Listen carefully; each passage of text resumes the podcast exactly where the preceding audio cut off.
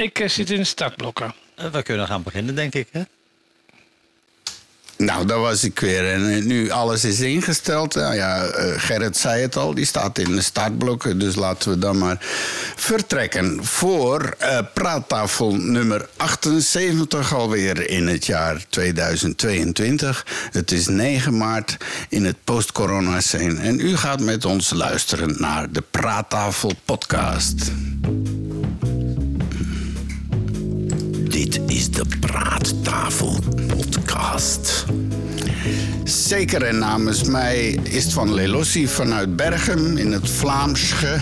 eh, een klein plaatsje tegen Antwerpen aangeplakt. eh, heet ik u hartelijk welkom bij weer een praattafel. We gaan weer een uurtje onze hersenen masseren en zien wat er allemaal uitkomt qua geluid. En daar gaat u naar luisteren. Dus van mij alvast de groeten. En het Rotterdam Mario Orget, wederom eh, in het centrum, van het, in het hartje van de stad, schuin tegenover de Laurenskerk. Het was vandaag een fantastische dag. Ik heb heerlijk gewandeld. En de vogeltjes fluiten, we hoorden de bloempjes eh, stonden er prachtig bij. En het begint lente te worden, dus ik heb er super veel zin in. Oh, en hier in eh, Noord-Duitsland, eh Grebien, waar verder niks gebeurt, behalve veel water. Eh, mooi weer. En Gerrit Band is aanwezig. Zeker. Een, eh, een hele mooie avond inderdaad. Het is altijd een eh, fijn gevoel als de eerste dag na zo'n winter weer eens echt de lente in je botten terechtkomt. Dat, eh, dat doet altijd toch wel wat met een mens, hè? Of Ja, zeker. ben ik de enige dan of zo? Nee, als de lente komt, dan stuur ik jou tulpen uit Amsterdam. Ja. En, eh, je ziet ook echt dat mensen echt vrolijker zijn. Absoluut. Ja, Dus dat doet zeker wat met, met de psyche. Eh, We hadden het net over de DSM-4. Of de, eh, dat staat daar zeker in, hoe dat eh, in- beïnvloedt. En ik vind dat prima. Ik ben ook echt een, eh, een, een, men, een- ik ben een thermofiel. Ik ben echt warmteminnend. Ik hou helemaal niet van de winter. oh, ik ook niet. ik ben in januari geboren, maar ik vind het helemaal niks. nou, nee, ik ben in mei. E- Einde mei. Wij zijn tweelingen. Dus Oh, oké. ja, ik. Oh, eh, ja, kijk, ja, ik ben, ik ben zelf, ja, dat kom je alweer gauw in, in, in, de, in de astrologie. Ik ben zelf ram met ascendant ram. En die geloven absoluut niet, absoluut niet in die flauwekul, dus het moet wel kloppen. Alrighty, we zijn er weer. Goedenavond. Eh, goedenavond. Ik weet niet wanneer je luistert. Misschien overdag, misschien aan de lopende band, misschien in de auto, misschien ergens anders. Maar in elk geval, onze gedachten zijn bij jullie. Want eh, ja, iedereen heeft het eh, zwaar op dit moment. Om de een of andere reden. En dat komt door die klootzakken daar in het oosten. die nou weer zo nodig een oorlog moesten starten. Eh, op een paar uur rijden van ons huis. Hè. Ik weet niet hoe, eh, waar we het niet over moeten gaan hebben, is nu dat je eigenlijk alleen maar vluchtelingen ziet op tv. De ene moeder naar de andere, zwangere moeder naar de andere, huilende oma. En een soort niet te stoppen. Ja. ja. Brei, een, een, een eindeloze brei van ellende eigenlijk. Hmm. Ja, dat is, eh, je kan je tv niet aanzetten of het gaat daarover. Wel, wel, natuurlijk, het moet er ook over gaan, maar je wordt er inderdaad niet vrolijk van. Het is een triest verhaal. Hmm. Ja, absoluut. Dus eh, laten we hopen dat. eh, nou ja, morgen zijn er weer besprekingen. Dus tenminste, wat zeg ik? Morgen gaan ze weer met elkaar praten, zo moet ik het zeggen. In, in Turkije was dat, is dat, geloof ik. Oh, Ja, in Turkije in de Eh, oh, kijk van eens. een of andere forum. Erdogan, Ja, en, very important Turkish president now. Die, die wil een Nobelprijs, Ja, ja, die wil dus- een Nobelprijs, let maar op. Nou ja. Iedereen heeft het over dat dat de roebel zo is ingestort. Moet je eens in, Turkije kijken. Met, Die heeft een hele bizarre kijk op, op eh, macro-economie volgens mij, die man, die meneer Erdogan. Ik heb, Alle ik heb daar een, eh, een, een jaar of tweeënhalf gewoond, gewerkt. Eh, Dat was in een periode van 87 tot eh, 89 of zo. En toen ik daar begon, was mijn maandsalaris waren toen 20.000 Turkse lira's. Dat kwam dan overeen met ongeveer 2000 oude oude guldens. Of Deutschmarken was dat eigenlijk. En na twee jaar kreeg ik iets van 4 miljoen. dat was, en, en toen ik terugging uh, na een jaar of zes, zeven... was een pakje sigaretten was al 5 miljoen. En, en, dat, en, nou, en toen hebben ze Ja. weer een nieuwe lira hè, gemaakt. En, eh, dat was dan... Maar eh, die is intussen ook alweer vertrokken. eh, onwaarschijnlijk daar. Maar in 87 kijk. was Erdogan er toch nog niet? Nee, nee, nee. Maar, eh, maar toen was er nee. ook al die inflatie. Dat is gewoon eh, Ja, daar dat endemisch. klopt, Die, die, eh, die, die, die Maar wat, je, maar wat je nou ziet bij, wat je nou ziet bij Erdogan is hij wil per se eh, de rente niet verhogen. Nee. Dat wil hij niet doen. Terwijl iedereen zegt je moet dat nu doen, je moet die rente verhogen. Eh, en, want het gaat gewoon niet goed. Maar hij blijft maar volhouden eh, van nee, nee we, we, we gaan alles sub- subsidiëren enzovoort. Want Ja. dan trekt het vanzelf aan. En je ziet langzaam maar zeker het land eh, richting de hyperinflatie gaan. Alweer. Ik heb, om het, ik, heb, ik heb zelf in mijn, in mijn portemonnee een standaard een geluksbiljet zitten van 10 triljoen Zimbabwaanse dollars. En dat her... ja, dat kan je zo, ja, 10 triljoen Zimbabwaanse dollars. Eh, absoluut. En die kan je gewoon op eBay kopen voor 2,5 euro, geloof ik. Eh, en dat herinnert het mij aan het feit dat, we- dat het economie toch een, een, een teer gebeuren is. Dat moet je toch een beetje koesteren. En eh, je moet blij zijn als er verstandige mensen mee bezig zijn. Ja, ja. want als je, Nou, ik, ik, ik, was in, ik was in 2013 in Turkije. Eh, met een rondreis door, door het oosten daar. En we bezochten toen allerlei. eh, die reizen waren zo goedkoop omdat je dan langs een eh, juwelier werd gestuurd. En een leren jassenwinkel. Ah, ja, ja, ja. En een tapijthandel. Maar toen zei men. Ja, dit wordt allemaal gesubsidieerd door Erdogan. En ja, hij heeft ons wel welvaart gebracht. We zijn het niet met hem eens politiek, maar hij heeft ons toen, met zijn dat aansturen van die hele economie, toen had men echt nog het idee eh, van ja, het gaat goed. Ja, maar dat is nu wel aan veranderen. Is het dus hard veranderd op een gegeven moment. Ja, je ziet steeds meer weerstand eh, eh, Ja. tegen hem komen. Wat dat met de laatste verkiezingen wat hem nogal heeft gestoken... is het feit dat, eh, dat de burgemeester van Istanbul... eh, eh, zeg maar, een volslagen anti-Erdogan-figuur is. Daar had hij nooit op gerekend. Je ziet steeds meer verzet. En wat ik zeg, de, de, de, de lira begint steeds minder waard te worden. Iedereen blijft waarschuwen van... eh, oh ja, de, de ministers van Financiën, ze hebben er nu al twee versleuten. En ieder, iedere minister die van Financiën die zegt van... het gaat helemaal niet goed, we moeten het anders doen. Die wordt eruit gegooid. Ja, bad news. Uiteindelijk eh, is hij zijn eigen economie aan het verzieken, volgens mij. Ja, hij is een- net Ja, zoals ja. Poetin eh, ook helemaal in dat eh, krankzinnige paleis en zo. Die man is ook helemaal aan het vervreemden van de, van, van de hele samenleving daar. Maar, maar wat je dus in Turkije inderdaad hebt, eh, toen ik daar woonde, was dat toch normaal de politiek een beetje gerund werd vanuit het urbane leven. Hè. Dat was meer zo'n zo'n stadsleven. Maar Erdogan heeft die slapende me- meute op het platteland wakker gekregen. Hè. Al die dorpelingen. En dat is, daar zit nog zijn meeste steun. En ja, dat zijn mensen die weten niet dat de aarde bol is enzovoort. Al die dingen. Nou, doe me denken aan Amerika en. Ja, die weten. Daar wonen de meeste flat earthers. Oh, oh, Ja, oh, oh. ja, ja, ja, Dus- wat, moet je daarmee?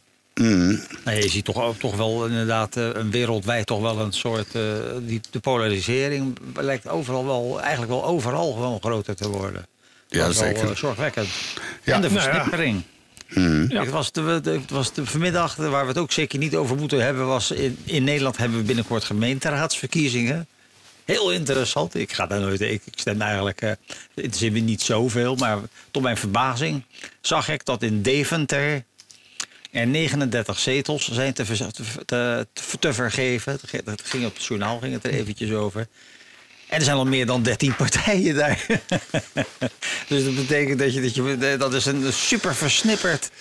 Dat, dat is onbestuurbaar volgens mij. Nou ja, Als je Rutte- 39 Nou. zetels hebt en je hebt 13 partijen. Ja, maar Hoe Rutte. ga je die- dat doen? Je zal maar burgemeester zijn van zo'n kippenhokken. Maar Rutte. Nou, wij Rutte- hebben hier in ja. Grebien, we hebben in Grebien 11 zetels en eh, zes partijen. Oh, daar kom, kom je ook al aan. Terwijl vroeger, hè, nog een jaar of 15, 20 geleden, had je de, de kommunale Wählergemeinschaft, dat is gewoon van, eh, van de boeren. En dan Ja. had je de SPD. Ja. En eh, dat was het dan. En die daarna bepaalde kwam gewoon. de, eh, kwam de CDU kwam binnen. en toen werd de SPD steeds kleiner. En, maar die partij zat je dan. Dat was het. Ja. En, Nou ja, ja, pas Rutte. de laatste twee keer Sorry. werd het ineens, eh, versplinterde dat steeds meer. Maar het heeft natuurlijk ook oorzaken. Mhm. En in Nederland zeker. In Nederland Einde heb van je de natuurlijk verzuiling. precies einde van de verzuiling. En eh, mensen gaan steeds meer hun eigen mening vormen. De lidmaatschappen van de politieke partijen is dramatisch teruggelopen. Dus mensen hebben er geen binding meer mee. Nee. Mensen hebben geen binding met een politieke partij of een politieke richting. Maar ja, wat, wat, je ook, wat je ook ziet is, eh, vroeger, eh, ja, kijk, vroeger had je sowieso de verzuiling. Je, de hele, hele Mhm. families, hele generatie stelde op, stemde op dezelfde partij. Dat is natuurlijk allemaal weg. Ja. Maar wat je dus nu ziet, het, mensen, in eh, mensen zijn er niet meer politiek eh, bezig met. Vroeger, als je dus eh, geïnteresseerd was in, in, in je land en, en, en in partijen, dan las je een partijprogramma. Nu is het zo, je gaat naar eh, de stemwijzer, je, vult je vult 45 graden in, eh, 45 vragen in en verrek, ik moet op de SP stemmen. Dus dan doe ik dat maar een beetje. Dat idee is het nu. Dat, is, dat, dat, dat vind ik ook Ja, eigenlijk gewoon... een eh, soort luiheid, hè? Want niemand leest, nog- niemand leest nog een, een partijprogramma. Nee. En, en dat heeft tot gevolg dat eigenlijk de meeste politici ook niet verder denken dan de volgende verkiezingen. Er zijn geen staatsmannen meer met, met een enorme lange uitgebreide visie voor het land die over vele jaren loopt of zo. Dat zie je helemaal Nee, niet nee, meer. nee, nee, nee. Nee, dat is tot de Dus- volgende, dus whatever. dat, is, dat is jammer. Maar ze hadden toch aan Rutte gevraagd eh, van, eh, wat hij van eh, die, die versplintering vond. En die zei dat hij het zelfs wel welkom zou vinden om dus in de Tweede Kamer met 150 partijtjes. Dus, want er is nu al, ik weet niet hoeveel partijen er zijn. Maar als je die lijn dus extreem doortrekt. 21. Nou, kijk eens aan. Als je die lijn nu extreem is doortrekt naar de toekomst, dan zie je dus eigenlijk eh, een voortgaande versplintering. Omdat mensen, eh, ja, die vinden, eh, ja, ik heb een hond, dus nou ja, dan word ik maar lid van de hondenpartij. Ik heb een eh, Prius, dus ik word maar lid van de Japanse autopartij, weet ik veel. Hè? Dus dat je inderdaad die steeds kleiner, eh, iets wat voor mij goed is. Niet wat voor ons, ons allemaal, maar wat voor mij, mij, Nee. ik. Ja. En natuurlijk de, de one-issue-partij. hè, Dus tegen dit of tegen dat. Hmm, Ja, had je vroeger veel meer, hè? Ja. had je- had je vroeger veel meer. In 1918, eh, bij het begin van eh, de evenredige vertegenwoordiging, Oh. had je ook iets van 59 partijen op de, op de lijst staan. Hmm. In Amsterdam had je bij de Oh. gemeenteraadsverkiezingen de, de Rapalje-partij. Van, en die was opgezet door een paar eh, redelijk adellijke, belangrijke mensen. Die vonden eigenlijk het algemeen kiesrecht belachelijk. Dus die hadden twee eh, alcoholisten van de straat geplukt. Had je me maar en... de Andere naam ben ik vergeten. Die ene zei altijd, had je me maar. en die werden dus alle twee in de gemeenteraad gekozen. Ja, Had je me ja. maar is nooit, is nooit in de gemeenteraad gekomen, want die was eh, opgepakt wegens openbare dronkenschap. En de andere meneer die is, eh, heeft er vier jaar gezeten en heeft één keer het woord gevraagd. Of het raam open mocht. en voor de rest heeft hij vier jaar lang het, eh, het geld Uitgezeten. opgesteken voor de aanwezigheid. Ja. Maar Ja, je hebt dus allerlei, allerlei van dat soort partijen. En het is ook een beetje een, een, een, ja, een beweging. De oude partijen hebben afgedaan. Kijk maar naar. Onder Den Uil had de Partij van de Arbeid 55 zetels en nu hebben ze er 9. Ja. Ja, ja, dat is volledig ingestort hier. En Dus dat Ja. er dan rare, rare, vage partijen als D66 ineens bijna de grootste partij zijn. Ja, dat is dan weer de andere kant van de Ho- medaille. hoezo vaag? Hoezo vaag? Wat bedoel je met vaag? Nou, Nou ja, Eh, toen D66 begon, eh, hadden ze, was, het was een hele groene partij. Dan had je zelfs van die eh, folders nog met het kaboutertje Hafmo. Die zat dan in een soort eh, tuin en die eh, ging ons vertellen dat, eh, waar Nederland, waar we naartoe moesten en zo. Oké, een visie. Eh, en gekozen burgemeester en dit en dat, en het districtenstelsel. Was dat op zich een slecht voorstel, maar goed. Gekozen burgemeester. Al dat soort idealen. En, en wat is het nu? Ze gaan massaal, hebben ze eh, Middenpartij. burgemeestersposten, pikken ze in. Hmm. Eh, de, de, ja, het, het is heel erg afhankelijk van de partijleider of de partij succes heeft of niet bij D66. Maar dat zie je bij eh, bijna alle partijen nu. Ja, tegen- dat, ja, dat, dat- dat de dat- poppetjes veel belangrijker zijn Ja. dan de partij. Ja, dat vind ik eigenlijk ook een beetje een rare Een ontwikkeling. soort showbusiness voor ugly people is dat. Je had hier bijvoorbeeld eh, Bart de Wever, dat was een hele Oh ja. een, een, een mooi voorbeeld van. Die heeft dat dus super strategisch aangepakt. Die heeft eerst meegedaan met eh, de slimste mens. En hij was super gevat, super leuk. Dus iedere keer als hij op tv was, eh, ja, dan werd hij toch eh, bekeken. En hij was toen nog ook behoorlijk dik en zo. Dus dat was gewoon zijn aanlooptraject om een huishoudnaam te worden. Hè, dat is, dat is job nummer één. Je moet Ja. een huishoudnaam worden. Dus je doet mee aan de- de- van dat programma is mega populair. Ja, en een eh, half jaar later kandidaat voor burgemeester Amsterdam. En, eh, of eh, Antwerpen bedoel ik. En kabang. En ineens is het een, eh, nu de NVA-partijleider. Hij zit zo'n beetje tussen de... De NVA zit zo tussen de VVD en PVV in. Hè. Het is, het is een, zeer Vlaams gericht. Zeer, Hè? En, hier is die ontzuiling misschien nog wat minder. Hier, hier is het echt eh, groen en de arbeiders en de VLD en, eh, met name de christen, de CDMV, wat je dan dus het christelijke blok zou kunnen noemen, zoals de CDA en zo. Die zijn eh, behoorlijk inderdaad weg. Gekneveld. Maar eh, aan de andere kant doet de P- PVDA, wat dus hier eigenlijk een hele communistische partij is, die hebben een enorme opleving eh, de laatste tijd. Ja. Maar ook weer door meneer Metters, een enorm gepassioneerde, vurige, goed sprekende, heldere gast. Hè, En en die, die heeft die partij gewoon 50 punten omhoog getild in drie, vier jaar. En dat is het effect van inderdaad een iemand. Hè? Want die partij bestaat al. Dus ja, het is inderdaad toch showbusiness for ugly people, zeggen ze wel eens. Ja, ja. Ja, het is, het is een ingewikkeld verhaal. Je ziet in, in heel Europa zie je toch, toch wel een, een, een, een soort eh, polarisatie. Binnenkort krijgen we verkiezingen in, in Frankrijk. Dat vind ik ook wel interessant. Want daar heb je natuurlijk die, meneer, die rare meneer Zemmour. Eh, en eh, en die, die is, dat is een serieus eh, gevaar. De, de, Macron is er blij mee, want de, de- dat versplintert eigenlijk. eh, dat, dat zorgt ervoor dat extreem rechts verslin- versplinterd is. Want ja, Marie- die Marine Le Pen-partij begint uit elkaar te vallen daardoor. Ja, zelfs En, en nu ligt Seymour zelf ook weer on- onder vuur. Omdat, hij, omdat er weer een aantal vrouwen zijn die eh, in het kader van de MeToo eh, hem beschuldigen van, eh, eh, van eh, handtastelijkheden. En Ja, ja. noem het Ja. maar op. Ja, en nog, hè, dus- nog. Want hij, hij, hij is een Ja. Poetin-lover, jongen. Hij heeft lopen Ja, Poetin. ja, ja. en nu zijn zijn cijfers wel enorm in elkaar aan het storten. Daar, hij heeft dus even op het verkeerde paard en Macron gewet. die lag zich rot. ja, Ja. dus... Ja, het, Dus- het dus valt ook niet wel mee aan de ja. top hè, van de wereldpolitiek. Dus daarom gaan we het maar snel over iets anders gooien. Dit is de Praattafel Podcast. Ehm, het laatste waar ik het nog niet over wou hebben, dat is natuurlijk, eh, wat zien we nu weer in, uh, godarme Australië. Als het niet een totale brand is die het halve land in as legt, dan is het nu weer. nou zijn ze weer aan het verzuipen. We mogen er Ja. niet om lachen. Nee, Nee, dat is triest. Ja. Maar ja, het is natuurlijk wel een land wat, eh, wat enorm lijdt onder de, klima, onder de opwarming en de problemen met het klimaat. Maar het is ook tevens een, een compleet continent dat volslagen afhankelijk is van alleen maar kolen. Ze, hebben, ze komen daar om in de kolen.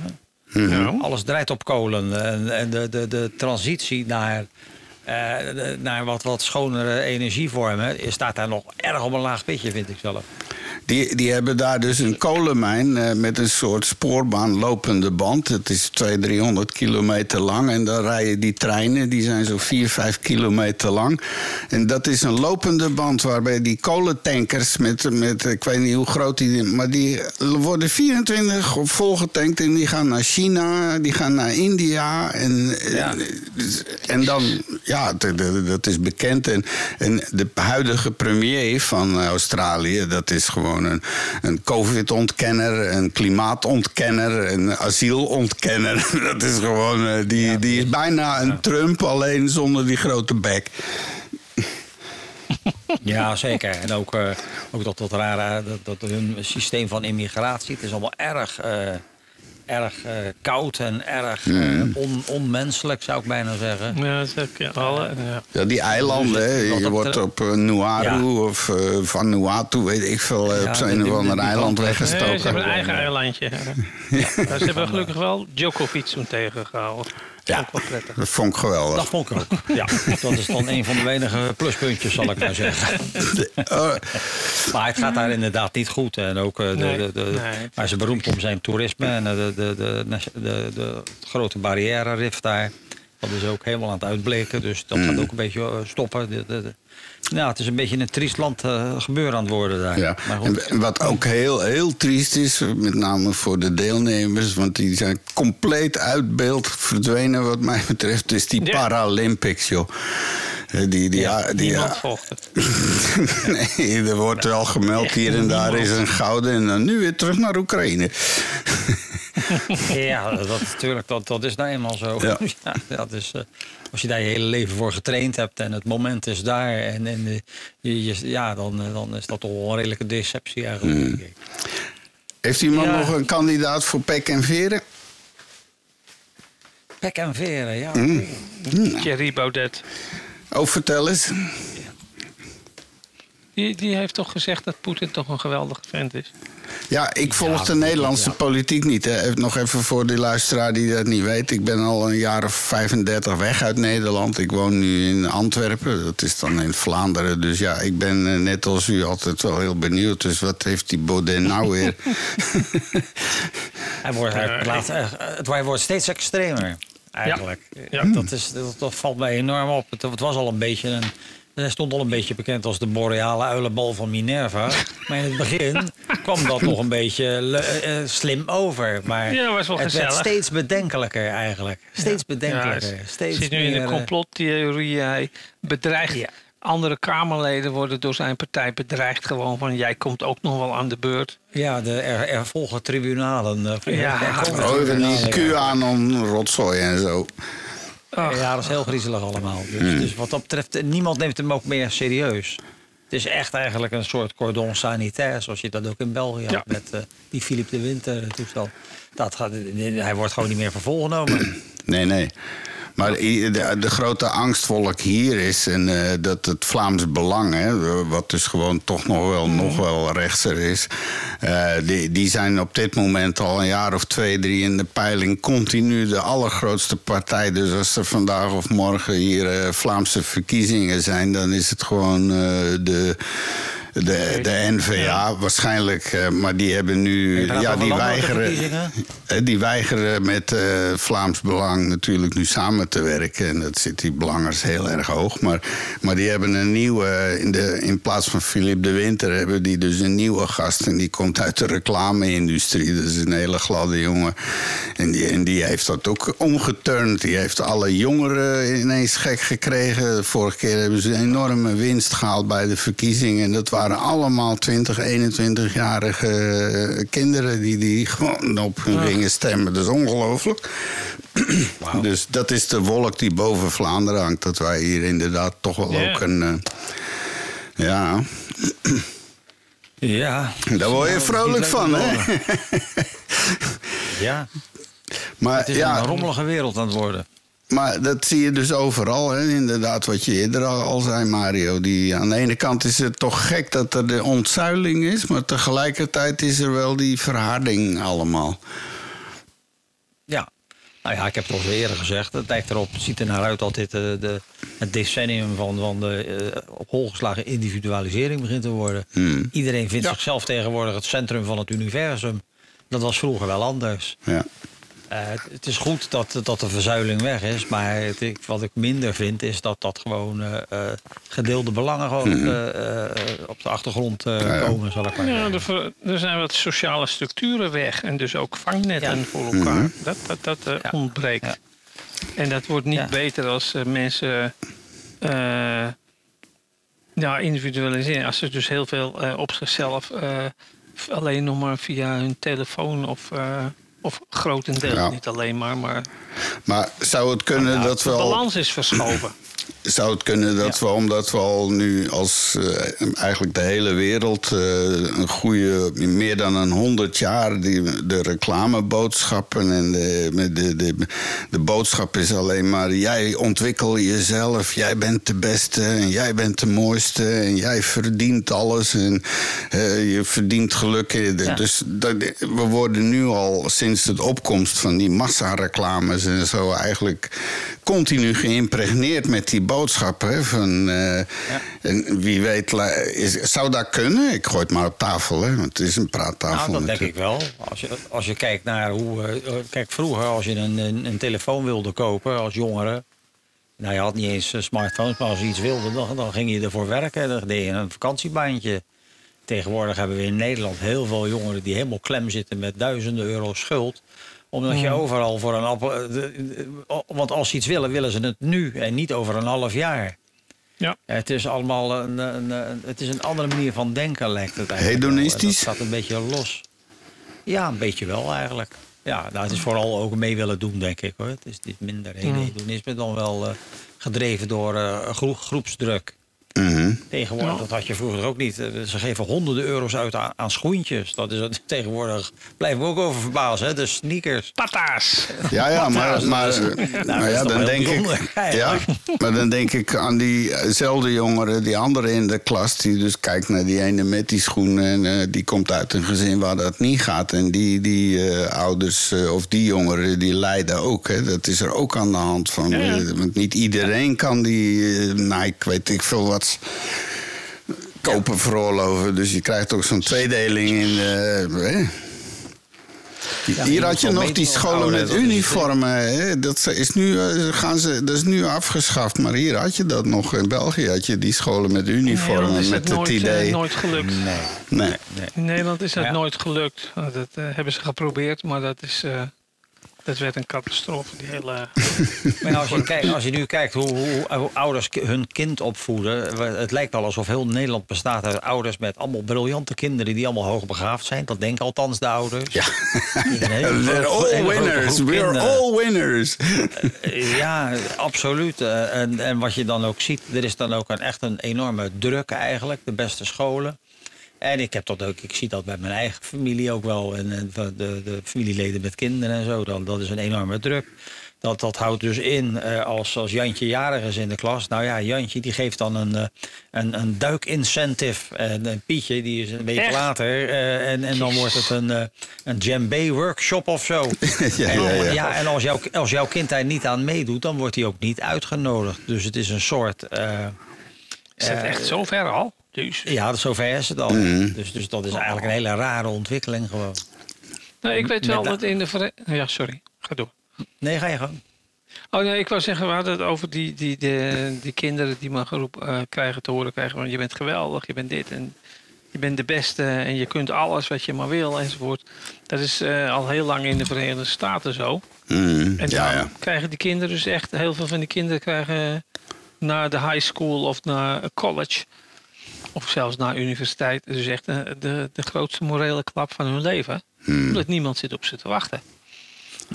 Maar wat hier ook een, eh, en dat- een, groeiende Ja. business aan het worden is, is die, die preschool. Hè? Dus ouders die hun kinderen zelfs Ja. voordat die naar de crash gaat of naar de kleuterschool, dan, eh, dan, die moet al kunnen lezen, schrijven en toch wat een beetje algebra en een algemeen begrip van de relativiteit dat is hebben. hier nog niet zo. maar, maar dat is in. Amerika bijvoorbeeld eh, echt eh, big business, big business.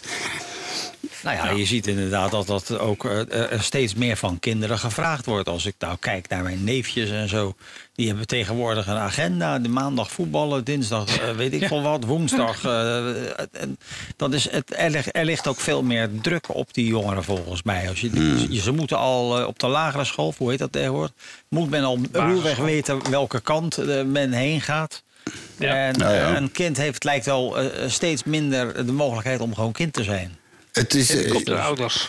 Hier is het idioot. Als je dus naar. eh, ik, kan je, ik zal een link ook in de pagina. Ik had eigenlijk aan jullie moeten doorsturen. Als je ziet hier naar de grotere middelbare scholen.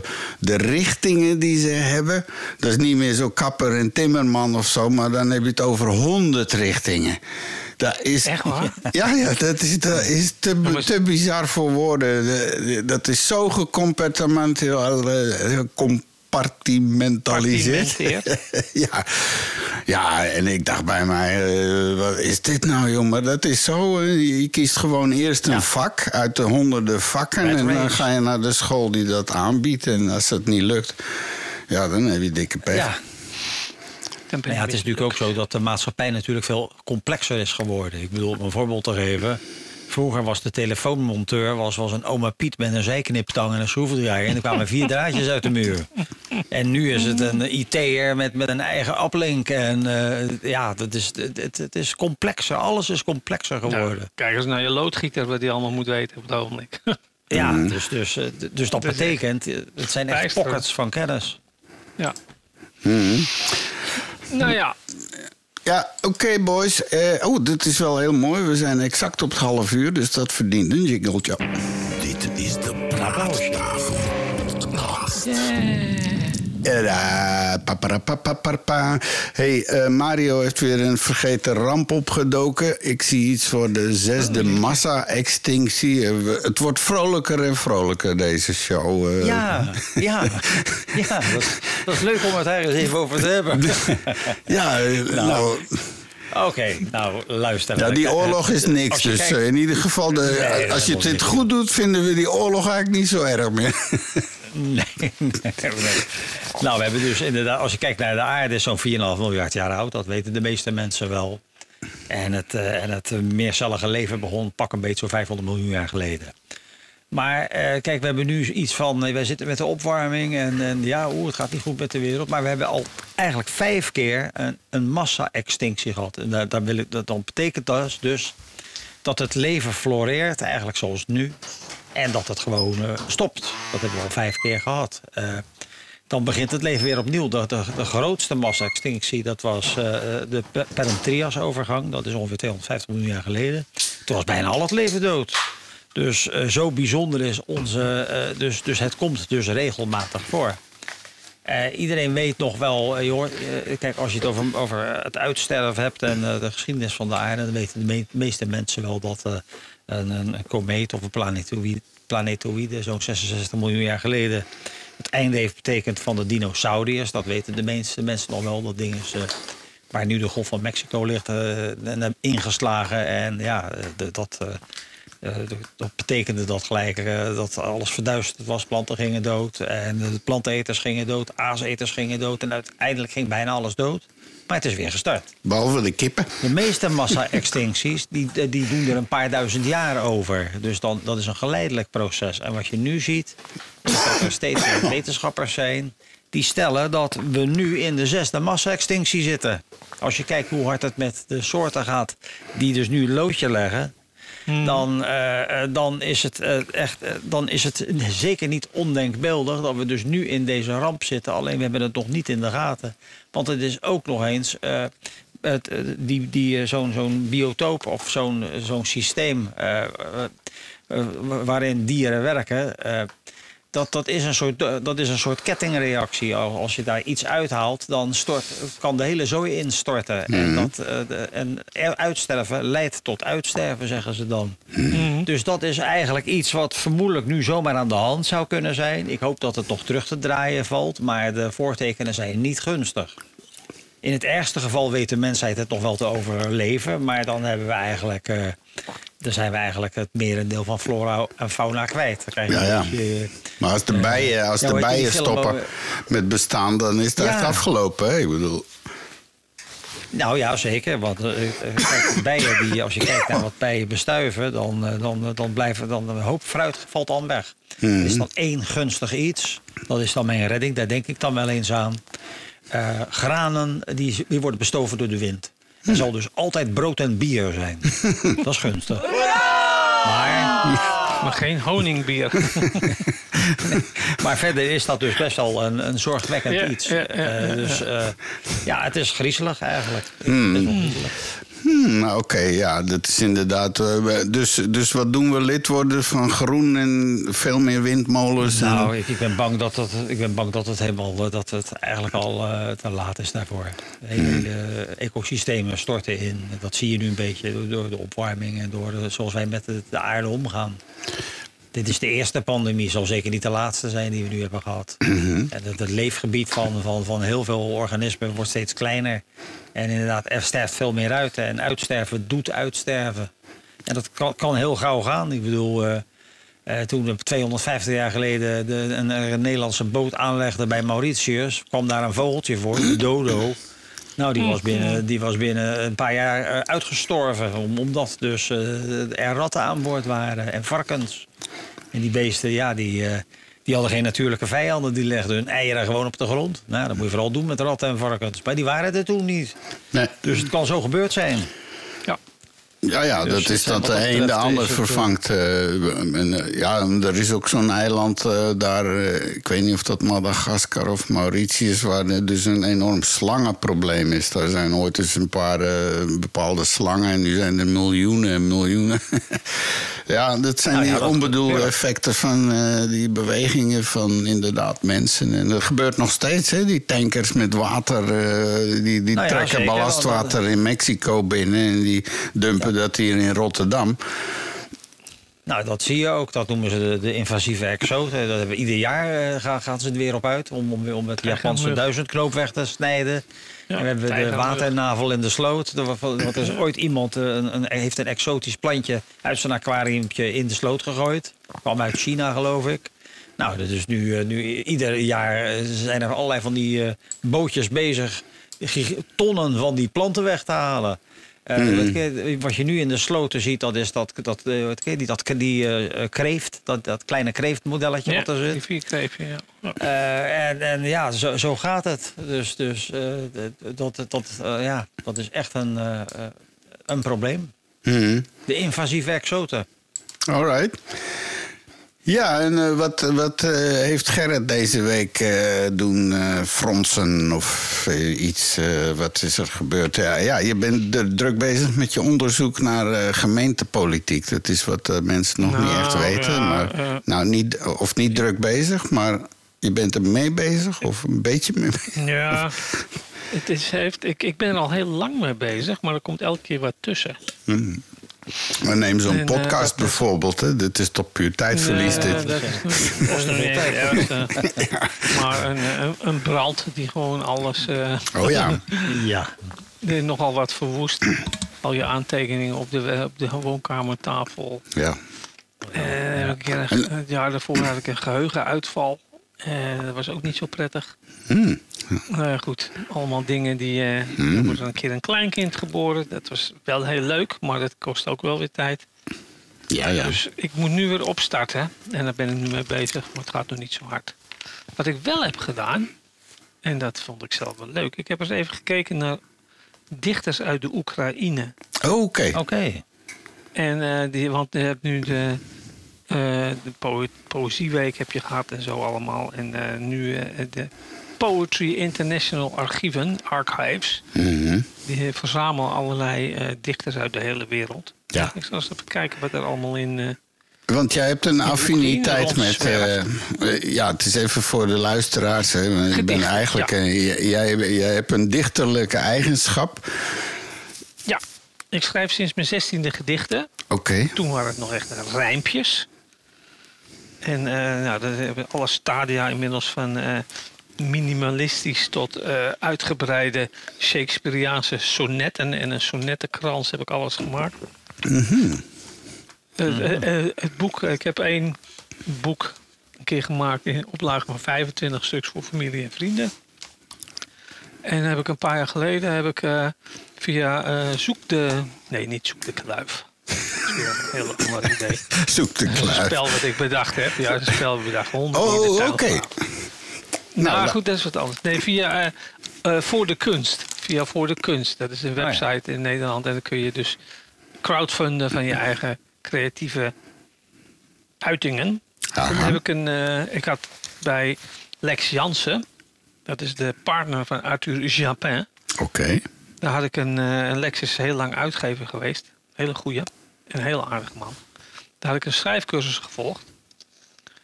En eh, die zei van ja, dan zei ik van dat kun je uitgeven. Hè, gedichten, is dat eh, mogelijk? Nou, eh, voor beginnende oudere dichters is er geen enkele uitgever bereid geld in te steken. En Toen ben ik eh, op zijn aanraden en met in de hand een ISBN-nummer van zijn uitgeverij crowdfunding actie begonnen en heb daar toen een vrolijk gedicht uitgegeven. Hmm. Dat heb jij toch een exemplaar van iets van? Dat, eh, ja, ja, dat tuurlijk. Ja, dat weet ik nog. Ja, ja. Maar daar staat in ieder van geval. hij heeft het nooit gelezen. Maar hij zegt, Jawel, toilet, toilet. Hij zit in die bak op, eh, op toilet. Het is, eh, ja, gedichten zijn perfect op toilet. Hè. Je, je kiest een gedicht die bij je boodschap past. Van hoe lang ga ik hier zitten? En, Ik heb soms wel echt wel een half uur werk zo. Nee, ik heb daar een sonnettenkrans geschreven. En een sonnettenkrans is... je hebt een sonnet, 14 regels, met een bepaald rijmschema. En in een sonnettenkrans heb je dan... eh, daarna kom je, schrijf je 14 gedichten en de beginregels vormen weer het 15e gedicht. Oké. En dat Ja. is natuurlijk heel, heel leuk. Het is nogal een wat nou, nog eens? Dus, dus je schrijft een Ja, dat is wel- ding Je van... schrijft 14 gedichten. En, eh, de, en de 14 beginregels zijn het 15e sonnet. Ah, op die manier. Ja, ja, ja. Ja, dat is eh, het volkslied. eh, dat de- iedere eerste letter is uiteindelijk... eh, Ja, Wilhelmus ja. Nassau. Maar je kunt, ja, dat zijn naamdichten. Maar je kunt ook bijvoorbeeld eh, doen een sonnettenkrans dat je de laatste regel neemt als eerste regel van het volgende gedicht. Dat kan ook. Oké. Ah, ja. Ja, Maar goed, zeg maar. Ik Ja. vind gedichten schrijven heel leuk. Ik heb eh, bij.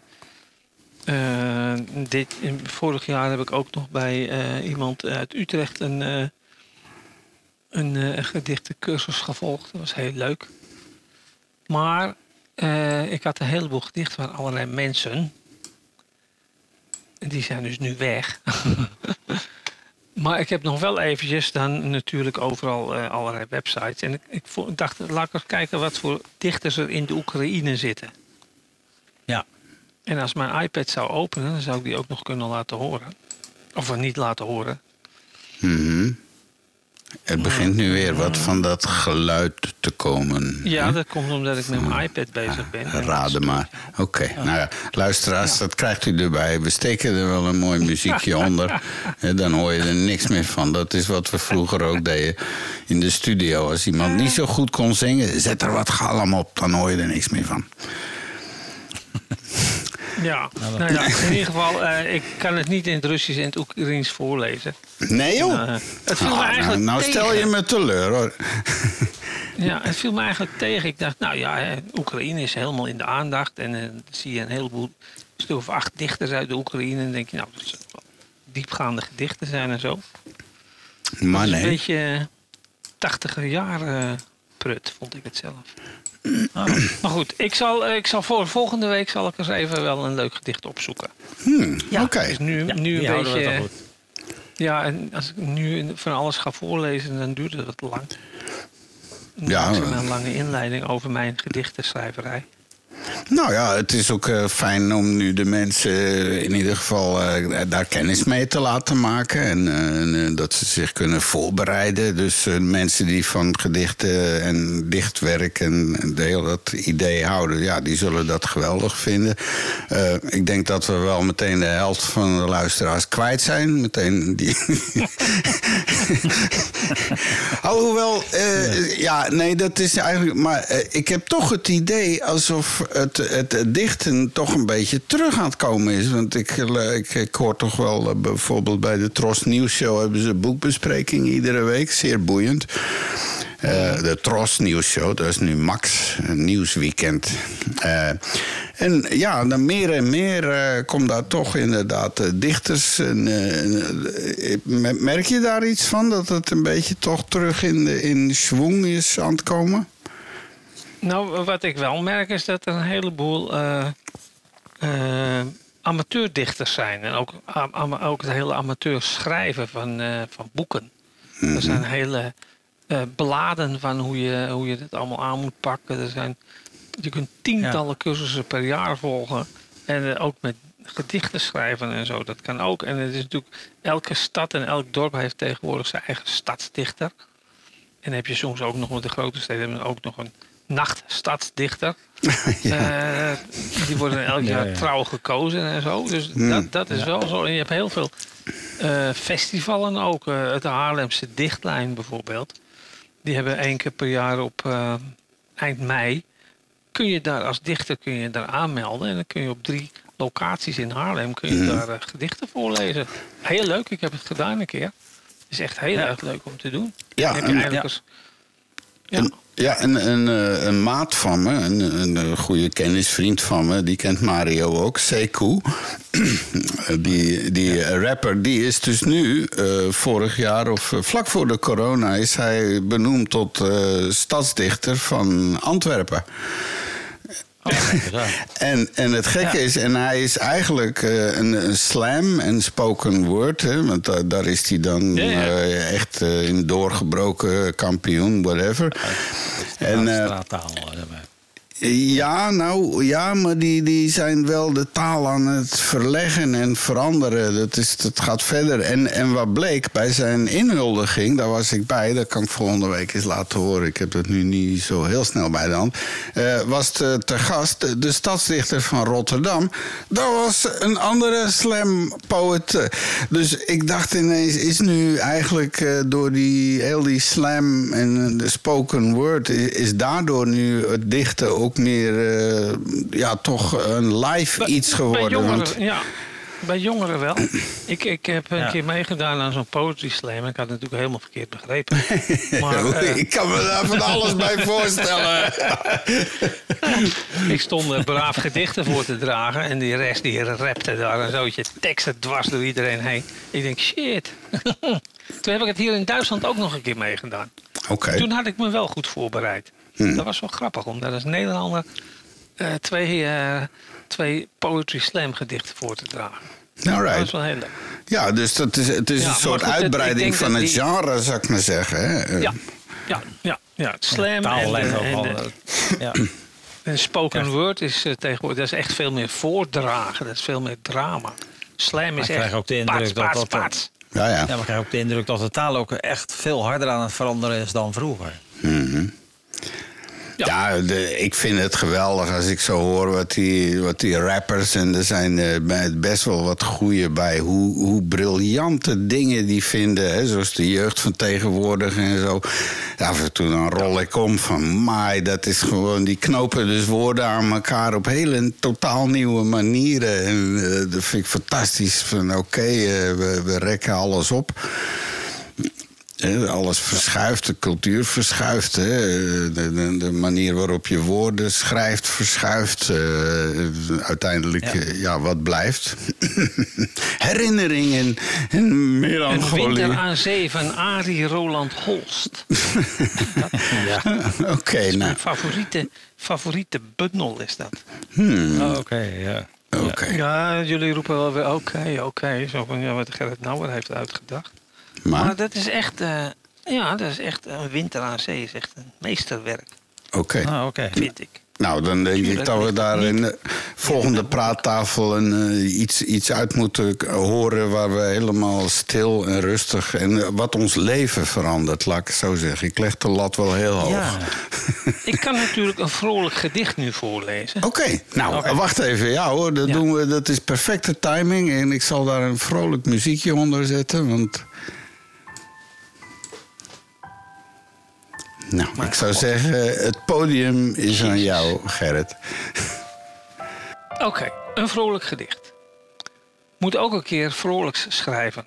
Over lachen zonder gêne, warmte, box, laterne, bloemgedachten in grijze, waarover pret en prut prakt in het voorjaar. Niks meer. Koeien doen geluidsdingen op achtergrond, net als koffie drinken bij buren en het brandweeralarm in een klein Duits, o zo Duits dorpje. Nieuws moet vandaag behang zijn, aanwezig. En valt niet op, geen afgehaakte hoofden op een hek. Gewoon even gek. Gekke bek. Krampachtig pilsje op tafel, pen in de hand. Wijngumvleermuizen eten. Zweten na het werk van de hobby in een weiland. Meditatief poepscheppen noemden we het vroeger.